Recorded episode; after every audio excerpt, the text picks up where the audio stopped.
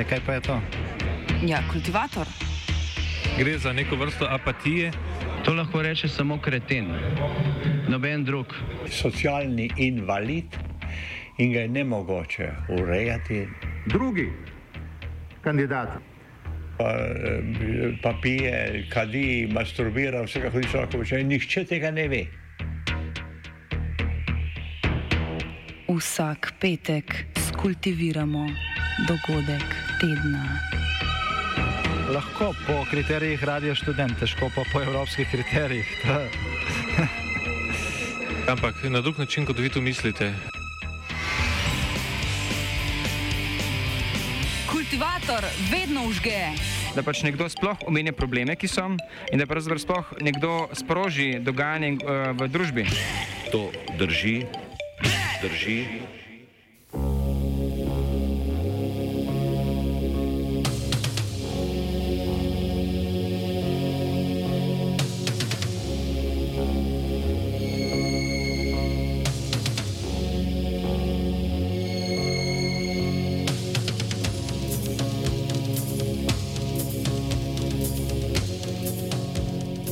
Panična potrošnja za krizne razmere.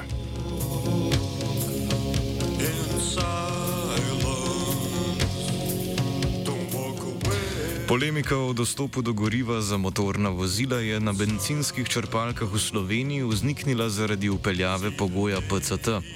Medtem je v Veliki Britaniji vsakdanje točenje goriva oteženo. Ne zaradi ukrepov za zajezitev koronavirusa, temveč Britance v zadnjih mesecih Bolj drastično pa v iztekajočem se tednu bremeni pomankanje voznikov tovornjakov in cistern. Ti so po večini prihajali iz vzhodne Evrope, pandemija koronavirusa, spremenjena davčna zakonodaja in britanski izstop iz Evropske unije pa so jih prisilili v odpuščanje tovornjakarskega posla na otoku, kjer dobavitelji sicer zagotavljajo, da je goriva v državi dovolj. Čeprav je pomankanje goriva na benzinskih servisih in drugih surovin v Združenem kraljestvu znano pod pojmom oskrbovalne krize ali bolj specifično krize z gorivom, gre v bistvu za dlje časa trajajoče pomankanje delovne sile ne le na otočju, temveč po celotni Evropi. Ravno zaradi prepleta različnih vplivov od brexita do pandemije in vse slabših delovnih pogojev tovornjakarjev pa je to najbolj prizadelo Veliko Britanijo. my illusion.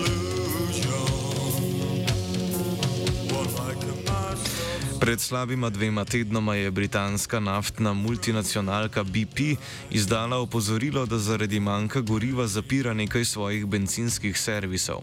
Vest o pomankanju se je hitro razširila, še hitreje je mobilizirala množice prestrašenih Britancev, ki so začeli z maničnim kopičenjem goriva, kar je med prebivalstvom otoka še dodatno spodbudilo vse splošno paniko. Potrošniška zasedba benzinskih servisov, pred katerimi se pojavljajo dolge vrste, je britansko vlado prisilila celo k aktivaciji 150 voznikov cistern v britanski vojski, ki so sedaj v stalni pripravljenosti. Na vkljub vključitvi vojaških sil, to so nekateri mediji označili kot ukrep za pomiritev ljudstva, bistvenega izboljšanja ni bilo. Na otoku namreč primankuje kar 100 tisoč tovornjakarjev. Alan Manning, profesor na London School of Economics in raziskovalec trgov dela, razloži, da je pomankanje delovne sile že dlje časa stalnica. For many years, the UK has uh, suffered from a shortage of truck drivers. And that shortage has got a lot worse in recent months. Um, it's mostly been affecting uh, deliveries to supermarkets.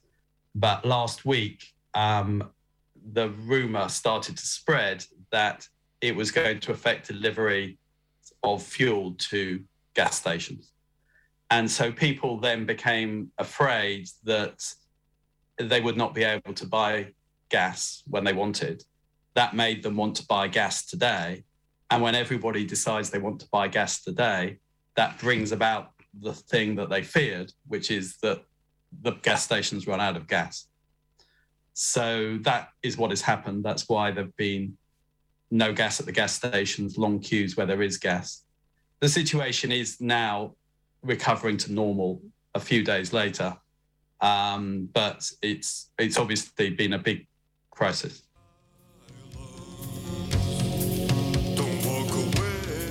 Čeprav se kot glavni krivec za krizo z gorivom, predvsem v tujih medijih, pojavlja britanski izstop iz Evropske unije, je bilo tovornjakarjev premalo že v obdobju pred Brexitom. Bolj obremenjujoči so kasnejši zakoni glede emigracij. Večina tujih tovornjakarjev, ki so pred krizo prevažali gorivo, je prihajala iz najvzhodnejših držav Evropske skupnosti. A posla niso opustili zgolj tuji prevozniki, domače prevoznike goriva so v to prepričali slabi delovni pogoji in mizerna plačila. In the UK, um, probably between 10 and 15% of the drivers were from um, Europe. Those drivers were mostly from Eastern Europe, Poland, and uh, Lithuania. I think Romania were the most common. Um, but it's important to realize that although there are European drivers who have left the industry and left the UK, the UK has also lost British drivers. So there, there are more British drivers who have left the industry than European drivers. So it's not just a problem of caused by Brexit and European drivers. It's it's a wider problem, which I think is mostly that the job just isn't very attractive. The pay isn't good enough. Um, the conditions are not very appealing. You have to be living away from home a lot of the time, um, you know, in quite poor living conditions. So for many, many years, uh, the industry has struggled to recruit and retain drivers, whether they're British or European. Razmerje med nizkimi plačami tovornjakarjev in visokimi davščinami je poleg visokih stroškov postopka usposabljanja tovornjakarje prisililo v prekarna delovna razmerja. The workers themselves have to pay for their own training. Um, and the problem is that there's then no mechanism. It's a very fragmented industry. There is no mechanism which ensures that they are subsequently, after they've got the license, paid a wage which makes it worthwhile getting the license in the first place. Um, because you have a lot of firms competing with each other for business, driving down costs the whole time. I mean, one very important factor in the current crisis is that for many years, drivers have been forced onto more precarious, to be treated not just, in, they're not employed legally as employees, they've been legally forced to become self employed, even though they really are employees. And one of the reasons that they did that was that that lowers costs, it lowers taxes.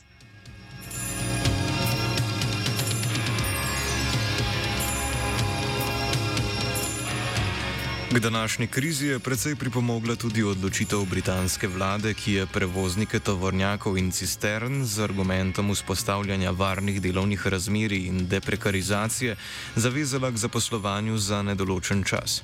To je seveda vezano tudi na plačevanje višjih davkov za socialno varnost, kar je ob izredno nizkih plačah še dodatno zaostrilo naravo dela zaposlenih v sektorju. In April, one of the big reasons for the, the, the, the worsening shortage is that the government said this self employment is bogus.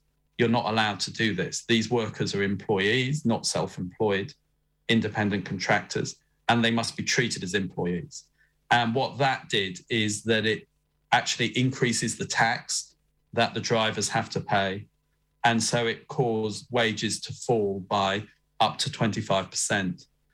And so that's again a big factor for why European drivers, British drivers left the industry early in the year, that their, their pay was just cut by this change. Now, the change was designed to make employment less precarious, to give them more employment rights, but the immediate effect was to make them pay more tax um, because there are more social security benefits that go with being an employee. And then the drivers, were, you know, wanted the money now and were less worried about the rights.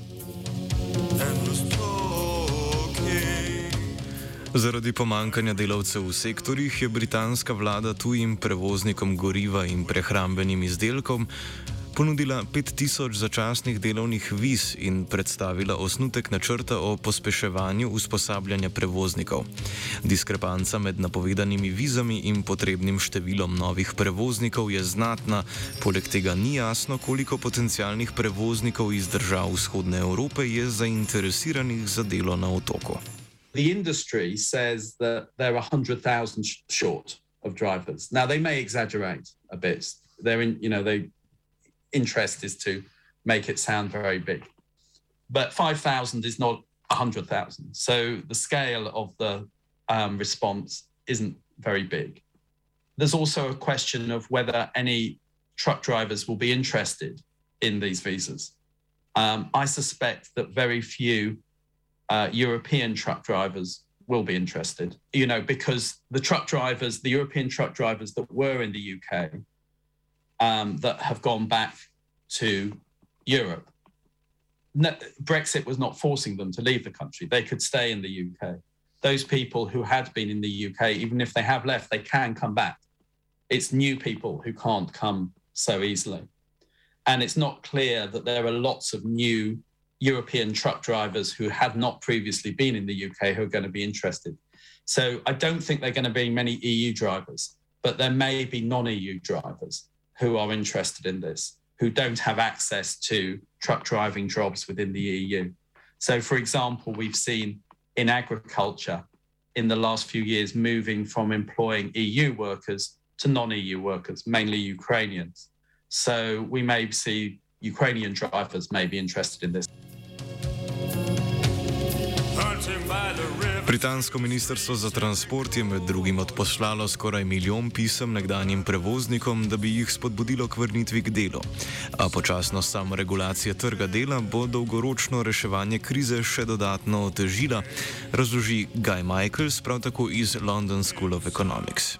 Fuel is one aspect, but I think in general, some of the elements that we talked about are, at least with, you know, uh, Brexit and and um, and low wage workers are also um, common to other industries. And and you know, the evidence that the government is now acting not just to kind of try to provide short term visas for for truck drivers, but also for poultry workers, right? So there seems to be this sense that you know what the government wants to do is to is to um, you know allow low wage Britons to capture some of the value of working in what were kind of you know low wage jobs and and uh, you know trucking is kind of part of it. And you know a lot of these kind of occupations are part of this. And and um, you know to do that you need to train people. So training takes time. And in in in the meanwhile you've got the situation of you know shortages and you know uh, wage increases for truck drivers, price increases for, for, for, fuels, and so on. So this is part of the adjustment process. You think this would would allow the market to adjust, and the market should adjust. Uh, but it takes time. In the short run, this this creates this creates frictions and problems for firms and and, and consumers. Za napotitvijo vojaških prevoznikov na kritična območja, kjer je gorivo najbolj primankovalo, se je situacija sicer nekoliko izboljšala, a je možnost pomankanja goriva na posameznih benzinskih servisih odvisna od dnevnih razmer. The reports today is that some of the military are going to help to, deliver some fuel, to get the fuel from the refineries to the gas stations. But I think the problem is easing. So I saw a report this morning. That while yesterday 60% of gas stations had no gas, today it's 27%. So it's quite a fast moving situation. So I, I, I, would expect that there'll be a kind of small, it, it sounds like there's going to be a small military involvement, but the situation is resolving itself um, naturally anyway, and probably within a week. It doesn't mean it might not happen again, because if these rumors um, again take hold, if people come to believe, come to doubt uh, the supplies of gas are reliable, we'll, we could easily see a repeat of the, the same phenomenon. Kratkoročni ukrepi vlade so sicer pomirili javnost in skrajšali čakalne vrste na benzinskih servisih, kjer je gorivo dostopno, a ukrepov za dolgoročno zajezitev problematike in ublažitev morebitnih novih kriz še ni na vidiku, razloži Guy Michaels. But I would imagine that some of these measures, in part, uh, are done to kind of actually ease the supply, to help with the supply side of fuels, uh, like the, the, the, the military, poten- potential military involvement, and, and like the um, the visas, the short-term visas. I think some of them might be more targeted towards kind of calming down people's nerves and kind of easing the, the demand side issues. So, you know, if people think that, oh, there's a crisis, they need to get Russian get fuel, that, as we said, that exacerbates a problem. But if they feel, oh, you know, the visas, there's an army at hand, they're kind of, you know, the, the government has some handle on this, and there's going to be some solution, then maybe they don't panic, they don't rush, and you and you kind of you break this kind of vicious cycle. That's my reading of of of this.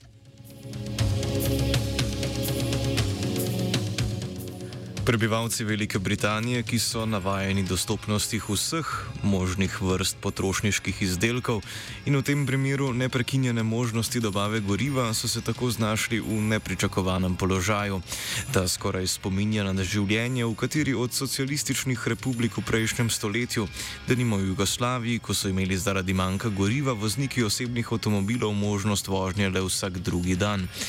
Moč sugestibilnosti množice, ki je Britance hipnotično usmerjala na benzinske servise, ni presenetljiva. Lahko bi rekli, da je ena temeljnih značilnosti britanskega prototipa potrošniške družbe, zato je ravnanje prestrašenih ljudi vse prej kot nerazumno, razloži Alan Manning. I don't think it, it's often called panic buying, but I don't think it, when we, if we use that word, it sort of suggests that in some sense people are being irrational. But I think they, in this situation, they're not being irrational as individuals. It may be that collectively, it doesn't leads to a bad outcome. Because if you if you think I'm going to need some gas by the end of the week, and there's going to be none tomorrow, you're going to go to fill up your car today. Um, but obviously, our system relies on not everybody going to the gas station at the same time. The whole system would break down. Um, and, you know, we've seen other examples like that. I don't know, in the UK, when the pandemic first started and some uh, deliveries were disrupted, we saw panic buying of toilet paper. I don't know if that happened. I think that happened in other countries as, as well. Um, that people became worried that there was going to be no toilet paper in the shops tomorrow. That makes them buy huge amounts today. And then the consequence of that is there is none in the shops tomorrow.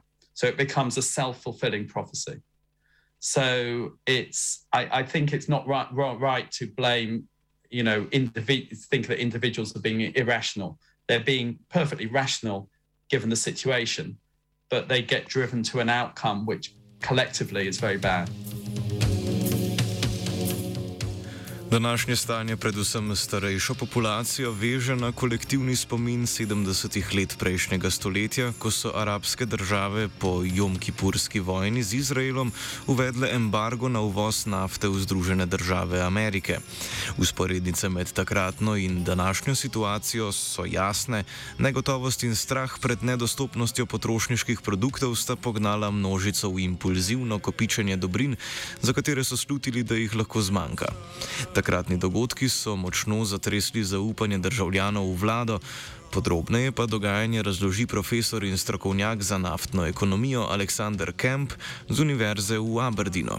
Um, uh, with respect to um, other uh, experiences in, in the petrol market, well, a very dramatic one was, of course, uh, in. Um, United States, uh, uh, 1973, uh, when uh, the OPEC countries quadrupled uh, oil price by their behavior, and there, was, for a time, a boycott of, exports of, oil to the United States. So we had panic buying then at the forecourts with. Uh, people uh, uh, fighting each other to, to get service at the forecourts. Uh, with respect to um, uh, the UK, well, uh, later 1970s, uh, uh, when the oil price was rising, uh, that's the crude oil price was rising, there, there was a worry that there could be a genuine shortage. you know, a genuine shortage of supplies, uh, we were still a net importer uh, at that time. Uh, the UK government issued ration coupons, uh, petrol ration coupons uh, uh, to, to all, all, the households with cars. Um, uh, uh, fortunately, they, they, they, were not used at the end of the day. this came a, a bit before uh, the Iranian uh, re- revolution, uh, with the price of oil actually doubling in 1979-80, the Ayatollah uh, coming to power. But but we didn't we didn't actually have to have a, a, a use of, of the ration coupons. Kljub temu, da britanska vlada ustrajno zanika vzročnost brexita in posledičnost krize, je med splošno populacijo teža dejavnikov, ki so vodili v pomankanje goriva in splošno paniko, zmeraj bolj na izstopu Združenega kraljestva iz Evropske unije.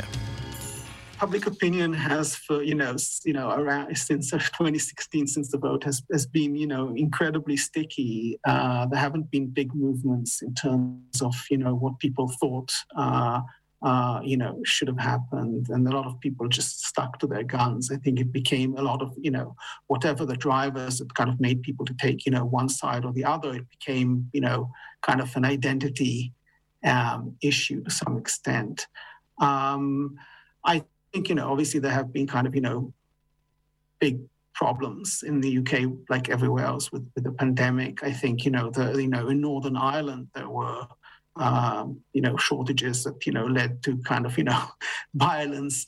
And, you know, I think this is kind of no less a problem in terms of Brexit. My sense is from that, that, you know, uh, from kind of looking at the, at the media in the last like few days that, that actually um, there is actually an agreement that this is kind of one of the costs of Brexit, despite the government saying it's not. I think people understand on both sides understand that this is kind of a cost.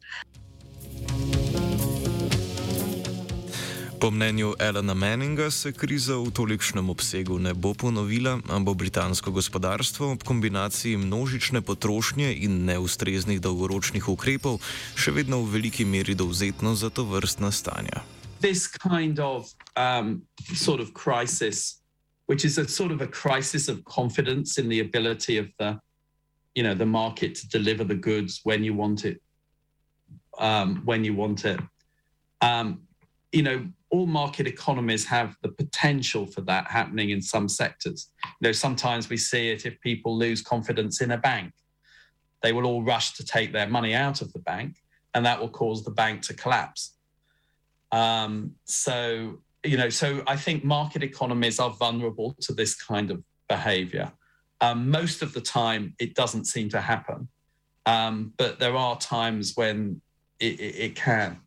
Um, so I, I, I don't. I think that the UK, this sort of crisis that we've had in the past week, um, probably won't happen again. But you know, we do have longer run issues with um, supply of goods, distribution of goods in the UK economy at the moment. It's not that I mean there is food in the shops, but it's the case that if you want to buy a particular product at a particular day in a particular shop, it's possible that they might not have that. Um, so it's not that people, you know, there's no food whatsoever and people are going to starve, but people's choice is, is, is sort of restricted and limited. Britanska družba je v preteklih dneh doživljala svoje vrstno obdobje negotovosti in nedostopnosti temeljnih življenjskih dobrin. V prvi vrsti gre za pomankanje tuje delovne sile, ki so jo iz države resnično izgnale posledice Brexita.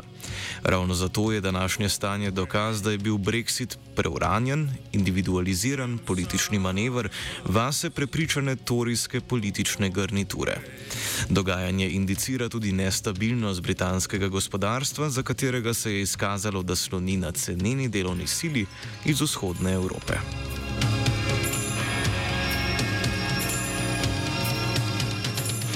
Na britanskih benzinskih servisih je čakalne vrste kultiviral Matija.